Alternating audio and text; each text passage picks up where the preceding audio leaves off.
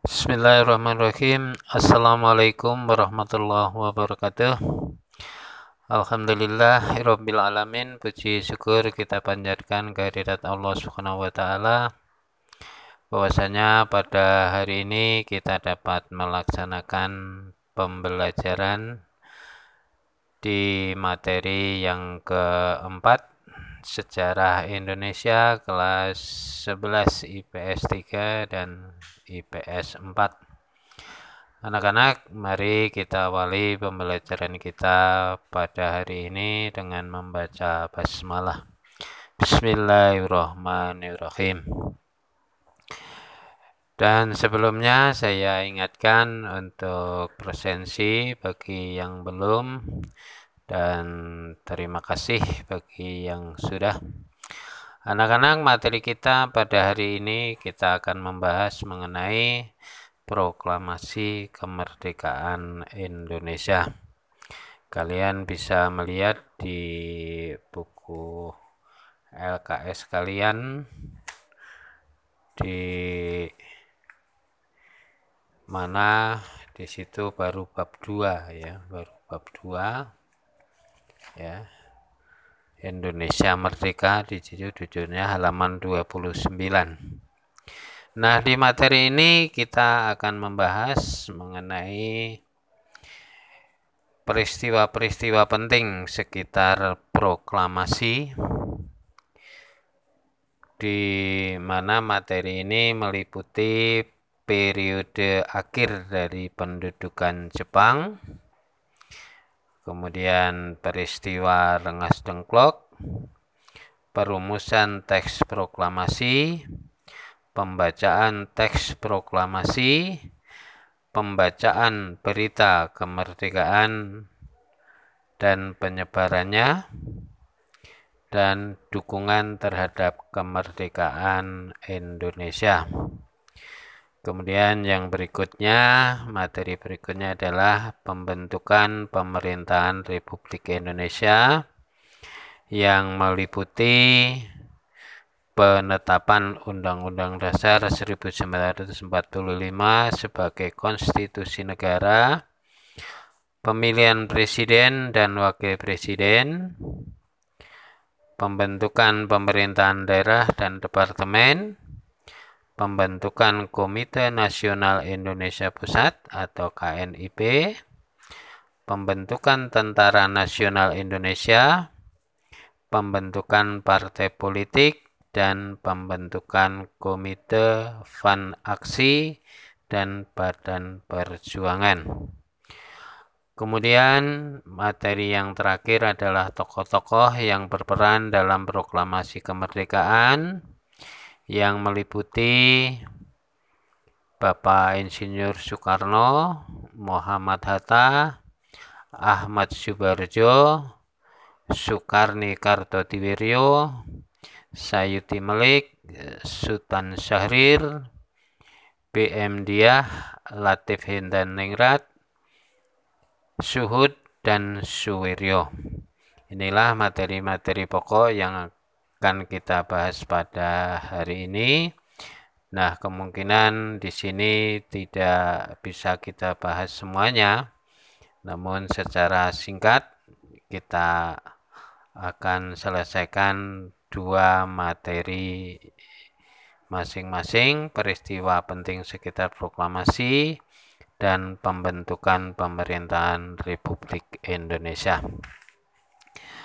Baik, mari kita awali anak-anak dari peristiwa penting sekitar proklamasi kemerdekaan diawali dengan periode akhir pendudukan Jepang di mana sejak awal 1944 kondisi kekuatan Jepang dalam Perang Pasifik atau Perang Dunia II mulai melemah diawali Jepang selalu memenangi dalam setiap pertempuran akan tetapi mulai tahun 1944 Jepang mengalami banyak kekalahan dalam Perang Dunia Kedua. Kondisi inilah yang mengakibatkan Jepang mengubah siasat dan kebijakannya di daerah-daerah kekuasaannya termasuk Indonesia. Pemimpin militer Jepang di Indonesia, Hayashi, mengusulkan pemerintah Jepang merangkul rakyat Indonesia agar mendukung Jepang dalam Perang Pasifik dengan memberi janji kemerdekaan kepada rakyat Indonesia. Oleh karena itu, dalam sidang Teiko Kianke atau yang disebut dengan Parlemen Jepang di Tokyo pada 7 September 1944, Perdana Menteri Kuniaki Koiso secara resmi mengumumkan janji kemerdekaan kepada Indonesia di kemudian hari. Sehingga dengan demikian adanya janji tersebut terjadi beberapa peristiwa penting pada tahun 1945 yang turut mempengaruhi kemerdekaan Indonesia. Apa saja peristiwa perintang penting itu? Yang pertama adalah Jepang menyerah kepada sekutu. Diawali pada tanggal 6 Agustus 1945, pasukan sekutu menjatuhkan bom atom di kota Hiroshima. Peristiwa tersebut dilatar belakangi oleh penolakan Jepang menyerah tanpa syarat kepada pasukan sekutu untuk mengakhiri Perang Dunia II. Pasukan sekutu memilih kota Hiroshima sebagai target bom karena pada saat itu Hiroshima merupakan pusat markas militer terbesar Jepang. Kemudian selanjutnya pada 9 Agustus 1945, pasukan sekutu kembali menjatuhkan bom atom di kota Nagasaki. Akibat dari bom tersebut, pasukan Jepang, terutama yang berada di kota Hiroshima dan Nagasaki, hancur. Ratusan ribu penduduk Jepang meninggal dalam peristiwa itu. Akhirnya Jepang memutuskan untuk menyerah tanpa syarat kepada sekutu. Jepang menyerah kepada sekutu pada tanggal 14 Agustus 1945. Penyerahan tanpa syarat tersebut oleh Jepang kepada sekutu menandai berakhirnya Perang Dunia II. Kemudian setelah Jepang menyatakan menyerah kepada sekutu, Soekarno, Muhammad Hatta, dan Rajiman Diningrat sedang berada di Dalat, Vietnam. Ketika tokoh tersebut bertemu dengan Marsikal Terauchi untuk membicarakan lebih lanjut rencana pelaksanaan kemerdekaan Indonesia. Oleh karena itu, ketika tokoh tersebut tidak mengetahui bahwa Jepang telah menyerah kepada sekutu. Kemudian peristiwa yang kedua adalah respon pemuda Indonesia pasca kekalahan Jepang. Soekarno dan Muhammad Hatta mendengar berita penyerahan diri Jepang dari golongan muda. Golongan muda mengetahui berita penyerahan Jepang kepada sekutu melalui siaran radio BBC. Setelah mendengar berita kekalahan Jepang, semangat pemuda Indonesia untuk memproklamasikan kemerdekaan Indonesia semakin tinggi.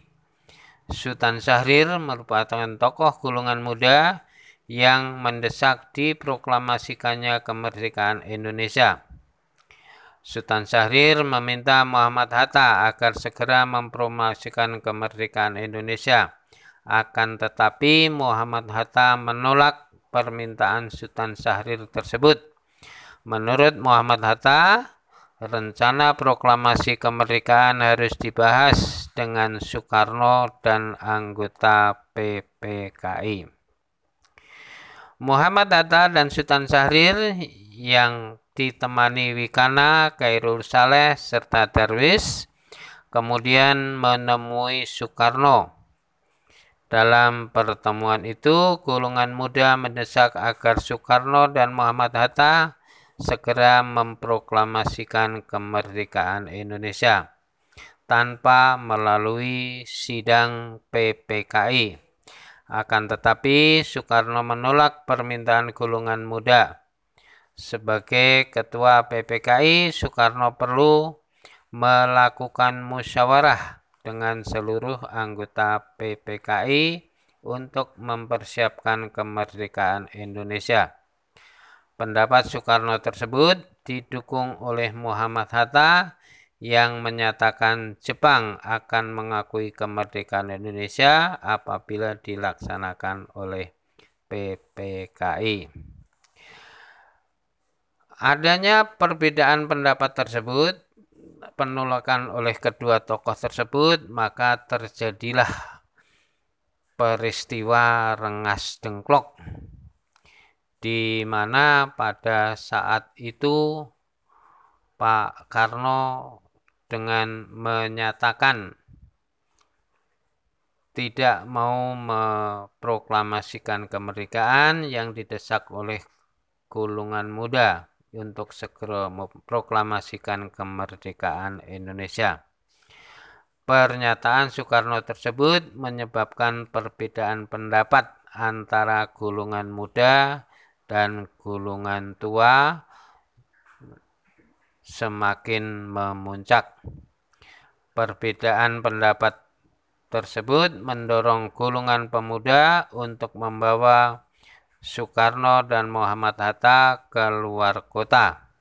Akhirnya sekelompok pemuda membawa Soekarno dan Muhammad Hatta ke Rengas Dengklok pada 16 Agustus 1945.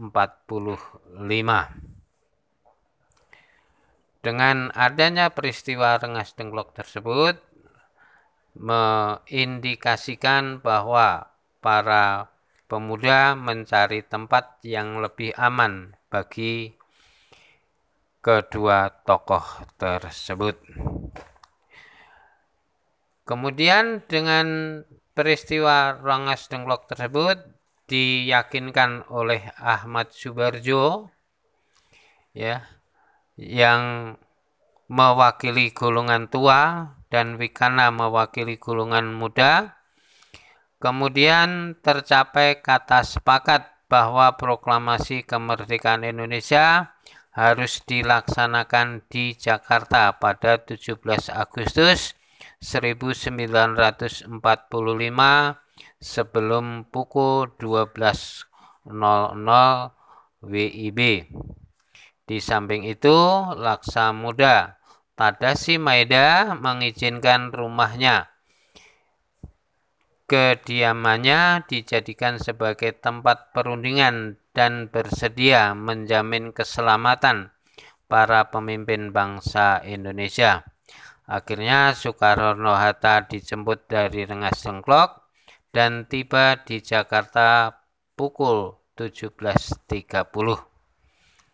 Untuk mengenang peristiwa pengamanan Bung Karno dan Bung Hatta oleh golongan pemuda di Rengas Dengklok, tepatnya di markas besar Kompi Peta dibangun monumen Rengas Dengklok.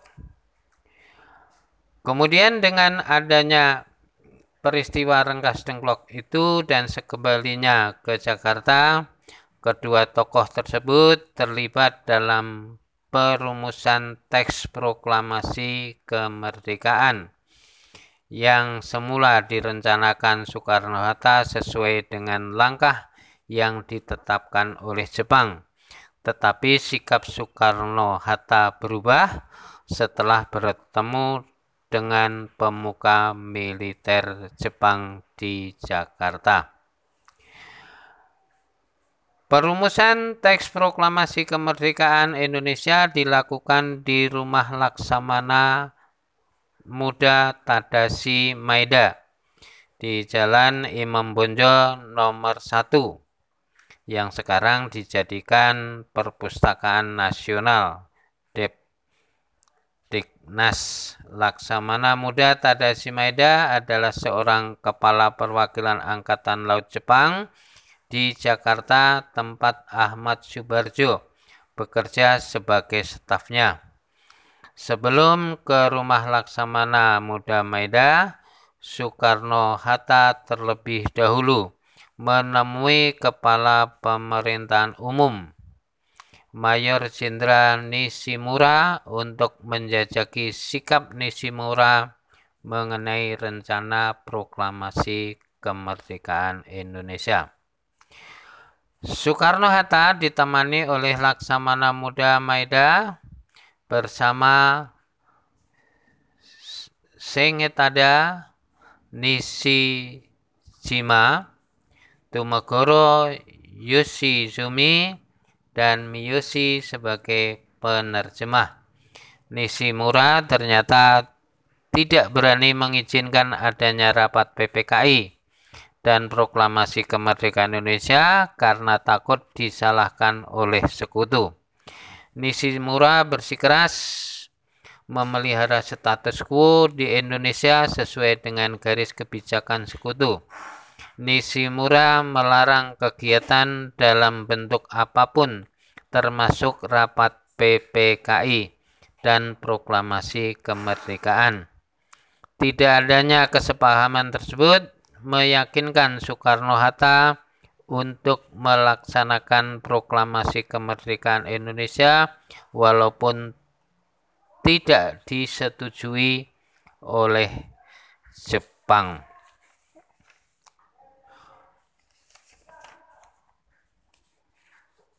Perumusan konsep proklamasi kemerdekaan Indonesia. Setelah Soekarno-Hatta bertemu dengan Nishimura dan yakin bahwa Nishimura tidak menyetujui pelaksanaan proklamasi kemerdekaan Indonesia, mereka bergegas ke rumah Laksamana Maeda. Di rumah Laksamana Maeda telah berkumpul para anggota PPKI dan para golongan pemuda. Kemudian terjadilah peristiwa bersejarah berupa perumusan teks proklamasi kemerdekaan Indonesia. Teks proklamasi dirumuskan di ruang makan oleh Soekarno, Muhammad Hatta, dan Ahmad Subarjo, serta disaksikan oleh Soekarni, BM Diah, dan Sudiro. Soekarno menuliskan konsep pada secari kertas, kemudian disempurnakan oleh Muhammad Hatta dan Ahmad Subarjo. Konsep teks proklamasi kemerdekaan terdiri dua kalimat, yaitu kalimat pertama merupakan pernyataan kemauan bangsa Indonesia untuk menentukan nasibnya sendiri dan pada kalimat kedua merupakan pernyataan mengenai pengalian kekuasaan. Kalimat yang pertama tersebut diusulkan oleh Ahmad Subarjo dan kalimat yang kedua diusulkan oleh Muhammad Hatta. Menjelang subuh, naskah proklamasi berhasil diselesaikan. Kemudian Soekarno membuka pertemuan dengan peserta rapat. Naskah dibacakan di hadapan peserta rapat di ruang depan sekitar pukul 04.00. Setelah selesai dirumuskan, maka terjadi peristiwa yang berikutnya adalah pengesahan teks proklamasi kemerdekaan Indonesia. Setelah proklamasi kemerdekaan Indonesia teksnya dibacakan oleh Soekarno, terjadi perdebatan mengenai siapa yang harus menandatangani teks proklamasi kemerdekaan tersebut. Soekarno mengusulkan agar teks proklamasi ditandatangani oleh yang hadir, seperti pada Deklarasi Kemerdekaan Amerika Serikat. Namun usul tersebut ditentang oleh golongan pemuda yang tetap menganggap gulungan tua sebagai kolaborator, orang-orang yang bekerja sama dengan musuh. Soekarni kemudian mengusulkan agar proklamasi kemerdekaan benar-benar bersih dari pengaruh Jepang. Maka teks proklamasi tersebut agar ditandatangani oleh Soekarno-Hatta atas nama bangsa Indonesia. Usulan ini berdasarkan alasan bahwa kedua tokoh tersebut sebagai pemimpin utama rakyat Indonesia dan usul Soekarni tersebut disetujui oleh hadirin yang ada. Setelah mendapat persetujuan isi serta siapa yang menandatangani teks tersebut kemudian diketik oleh Sayuti Melik dengan beberapa perubahan yang kemudian ditandatangani oleh Soekarno-Hatta atas nama bangsa Indonesia. Perubahan tersebut pada tulisan Tempo diganti menjadi Tempo tulisan wakil-wakil bangsa Indonesia diganti menjadi atas nama bangsa Indonesia dan tulisan Jakarta 170805 diganti menjadi Jakarta hari 17 bulan 8 tahun 05. Kemudian setelah selesai diketik dan ditandatangani oleh kedua tokoh tersebut, maka peristiwa yang bersejarah bagi bangsa Indonesia adalah detik-detik proklamasi kemerdekaan Indonesia. Pada hari Jumat pada tanggal 17 Agustus 1945 di Jalan Pegangsaan Timur nomor 56 Jakarta di rumah Insinyur Soekarno sekarang menjadi Gedung Perintis Kemerdekaan di Jalan Proklamasi diadakan persiapan untuk proklamasi kemerdekaan Indonesia. Menjelang pembacaan teks proklamasi kemerdekaan, masa telah memadati halaman rumah Soekarno dengan berbaris secara teratur dan tertib keamanan rumah Soekarno dijaga oleh pasukan peta di bawah pimpinan Sudanso Latif Hindra Ningrat dan Sudanso Arifin Abdurrahman. Persiapan upacara dipimpin oleh Suwiryo, wali kota Jakarta. Kurang lebih pukul 10.00 WIB Muhammad Hatta datang ke rumah Insinyur Soekarno. Keduanya kemudian keluar menuju ruang depan dengan langkah yang tegap dan tegas di depan pengeras suara atas nama bangsa Indonesia membacakan teks proklamasi kemerdekaan. Setelah pembacaan naskah proklamasi secara Acara dilanjutkan dengan mengibarkan bendera merah putih di halaman rumah Insinyur Soekarno. Bendera merah putih tersebut adalah hasil jahitan dari Ibu Fatmawati Soekarno. Pengibar bendera dilakukan oleh Suhud dan Latif Hindan Ningrat dengan disaksikan oleh segenap hadirin dan diakhiri dengan menyanyikan lagu kebangsaan Indonesia Raya ciptaan BR Supratman. Semua yang hadir dalam upacara proklamasi kemerdekaan tanggal 17 Agustus 1945 berdiri dengan khidmat dan tertib.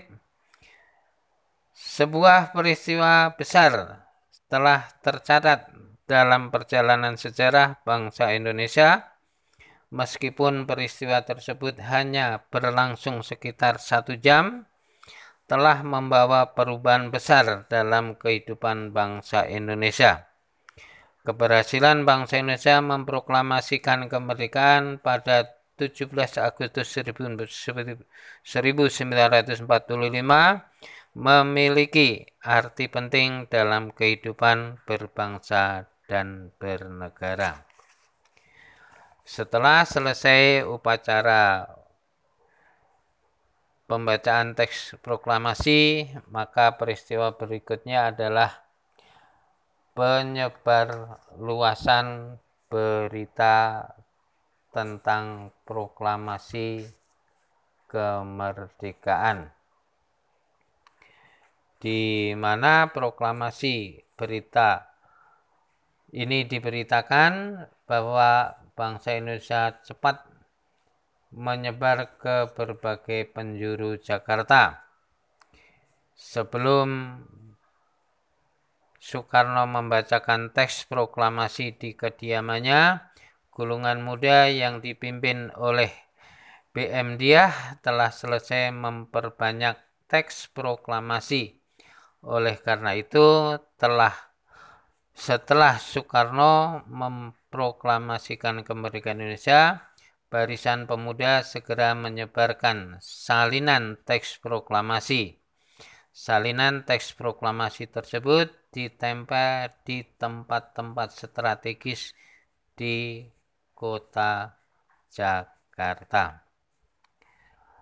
Kemudian penyebaran berita proklamasi juga oleh kantor berita Jepang yang berdampak pada penyegelan pemancar Dumai di Jakarta oleh Jepang. Para pegawai kantor berita Dumai juga dilarang masuk kantor. Meskipun demikian, para pemuda dengan bantuan beberapa teknisi radio yang terdiri atas Sukarman, Sutamto, Susil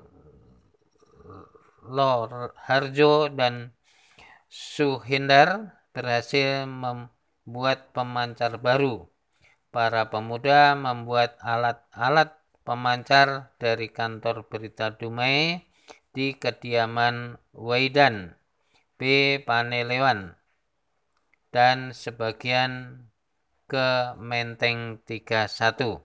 Akhirnya terciptalah pemancar baru di Menteng 31 dengan kode panggilan DJK 1 dan baru inilah berita proklamasi disebarkan ke seluruh wilayah Indonesia secara intensif. Kemudian dengan adanya proklamasi kemerdekaan tersebut ternyata banyak mendapat dukungan dari warga seluruh Indonesia, terutama di kota-kota besar, di Jakarta, di Bandung, Semarang, Yogyakarta, Surabaya, dan Aceh, serta Kalimantan dan Sulawesi. Dengan demikian, adanya proklamasi tersebut dilanjutkan dengan usaha bangsa Indonesia untuk mendirikan melengkapi kelengkapan negara yang berupa pengesahan Undang-Undang Dasar 1945 dan pembentukan Departemen Pemerintah Daerah. Di dalam penyusunan landasan lembaga kepemerintahan telah diadakan sidang pada tanggal 8 Agustus 1945 oleh Panitia Persiapan Kemerdekaan Indonesia atau PPKI di Gedung Co Sangiin yang sekarang ada di Jalan Pejambon Jakarta. Sebelum rapat pleno dimulai, Soekarno-Hatta meminta kesediaan Ki Bagus Hadi Kusumo Kiai Haji Wahid Hasim, Mr. Kasman Singotimejo, dan Mr. Tuku Muhammad Hasan untuk membahas masalah rancangan pembukaan Undang-Undang Dasar. Masalah tersebut mengenai kalimat ketuhanan dengan kewajiban menjalankan syariat Islam bagi pemeluk-pemeluknya. Kalimat tersebut dapat membahayakan persatuan negara Republik Indonesia yang baru saja lahir. Sidang pertama PPKI dipimpin oleh Soekarno dengan 28 orang anggota. Insinyur Soekarno membuka sidang pertama pada pukul 11.30 dengan pidato singkat di mana Soekarno menekankan agar para anggota PPKI menyadari kepentingan bangsa dan negara serta melupakan hal-hal kecil yang tidak perlu. Dalam sidang ini menghasilkan keputusan yang penting bagi pemerintah negara Republik Indonesia di antaranya adalah mengesahkan rancangan Undang-Undang Dasar Negara yang dibahas dalam sidang BPUPKI menjadi Undang-Undang Dasar Negara Republik Indonesia. Kemudian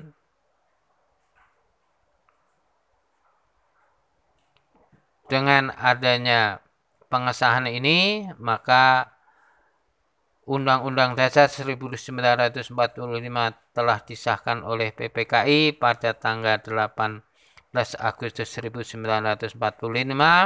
Yang pertama pembukaan atau makadimah yang meliputi empat alinea. Yang kedua batang tubuh Undang-Undang Dasar yang merupakan isi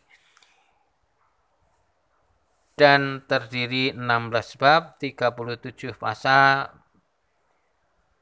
4 pasal aturan peralihan dan 2 ayat aturan tambahan. Yang ketiga, penjelasan Undang-Undang Dasar yang terdiri dari penjelasan umum dan penjelasan pasal demi pasal. Yang kedua, mengangkat presiden dan wakil presiden sebagai pelaksana pemerintah yang sah di negara Republik Indonesia ini dengan menetapkan Insinyur Soekarno sebagai presiden dan Muhammad Hatta sebagai wakil presiden.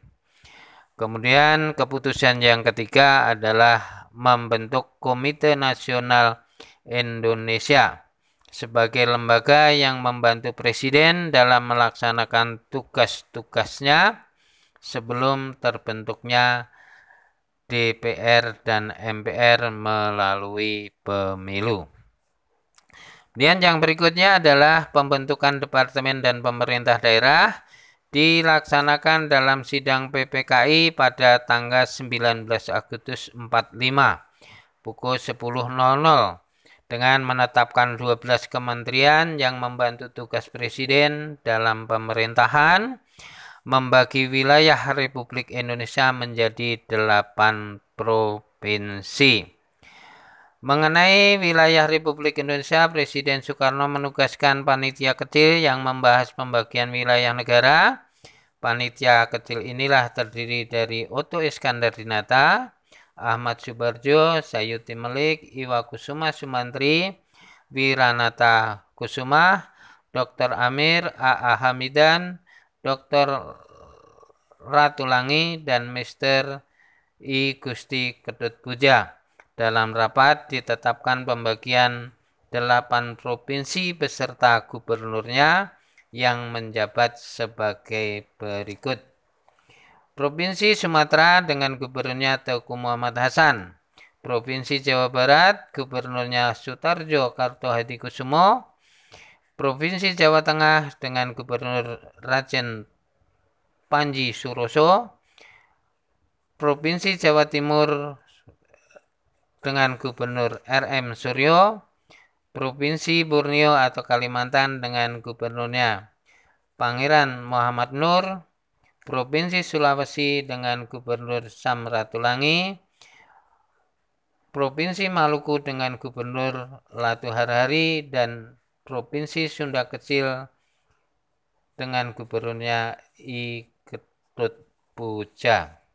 Selain itu juga sebagai realisasi pembentukan kementerian dan pembagian wilayah RI pada 2 September 1945 dibentuk susunan kabinet RI yang pertama dengan susunannya sebagai berikut. Menteri Dalam Negeri Wiranata Kusuma, Menteri Dalam Negeri Ahmad Subarjo, Menteri Kehakiman Profesor Dr.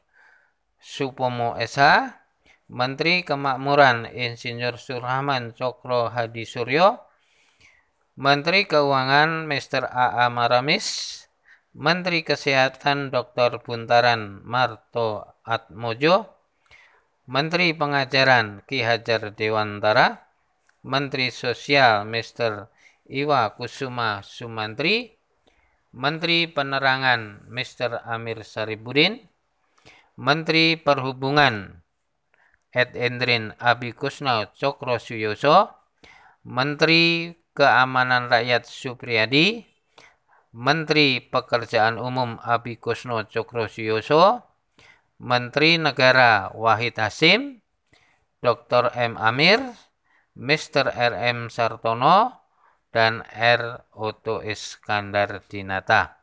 Selain itu juga ditetapkan para pejabat tinggi negara, Ketua Mahkamah Agung Dr. Kusuma Atmaja, Jaksa Agung Gatot Taruna Miharja, Sekretaris Negara Agi Pringgodikto, Juru Bicara Negara Soekarjo Wiryo Pranoto. Inilah pembentukan departemen-departemen yang ditetapkan pada 19 Agustus 1945. Kemudian dilanjutkan dengan pembentukan-pembentukan badan-badan negara, kemudian pembentukan berbagai partai politik, pembentukan organisasi kemiliteran. Anak-anak, inilah yang perlu kalian pahami dari materi kita yang keempat ini. Mudah-mudahan dapat bermanfaat sebagai persiapan kita untuk melaksanakan nanti tugas kita di dalam menghadapi penilaian tengah semester. Untuk itu sebagai akhir dari Pertemuan ini silahkan kalian kerjakan LKS halaman 47 sampai dengan 49 jawaban dikirim di Google Classroom. Terima kasih atas perhatiannya dan sekali lagi untuk pertemuan kali ini semoga dapat memberikan pencerahan bagi kita untuk membahas mengenai peristiwa-peristiwa kemerdekaan Republik Indonesia yang harus kita cintai. Terima kasih atas perhatiannya dan mohon maaf atas segala kekurangannya. Bilahi taufik walidayah. Wassalamualaikum warahmatullahi wabarakatuh.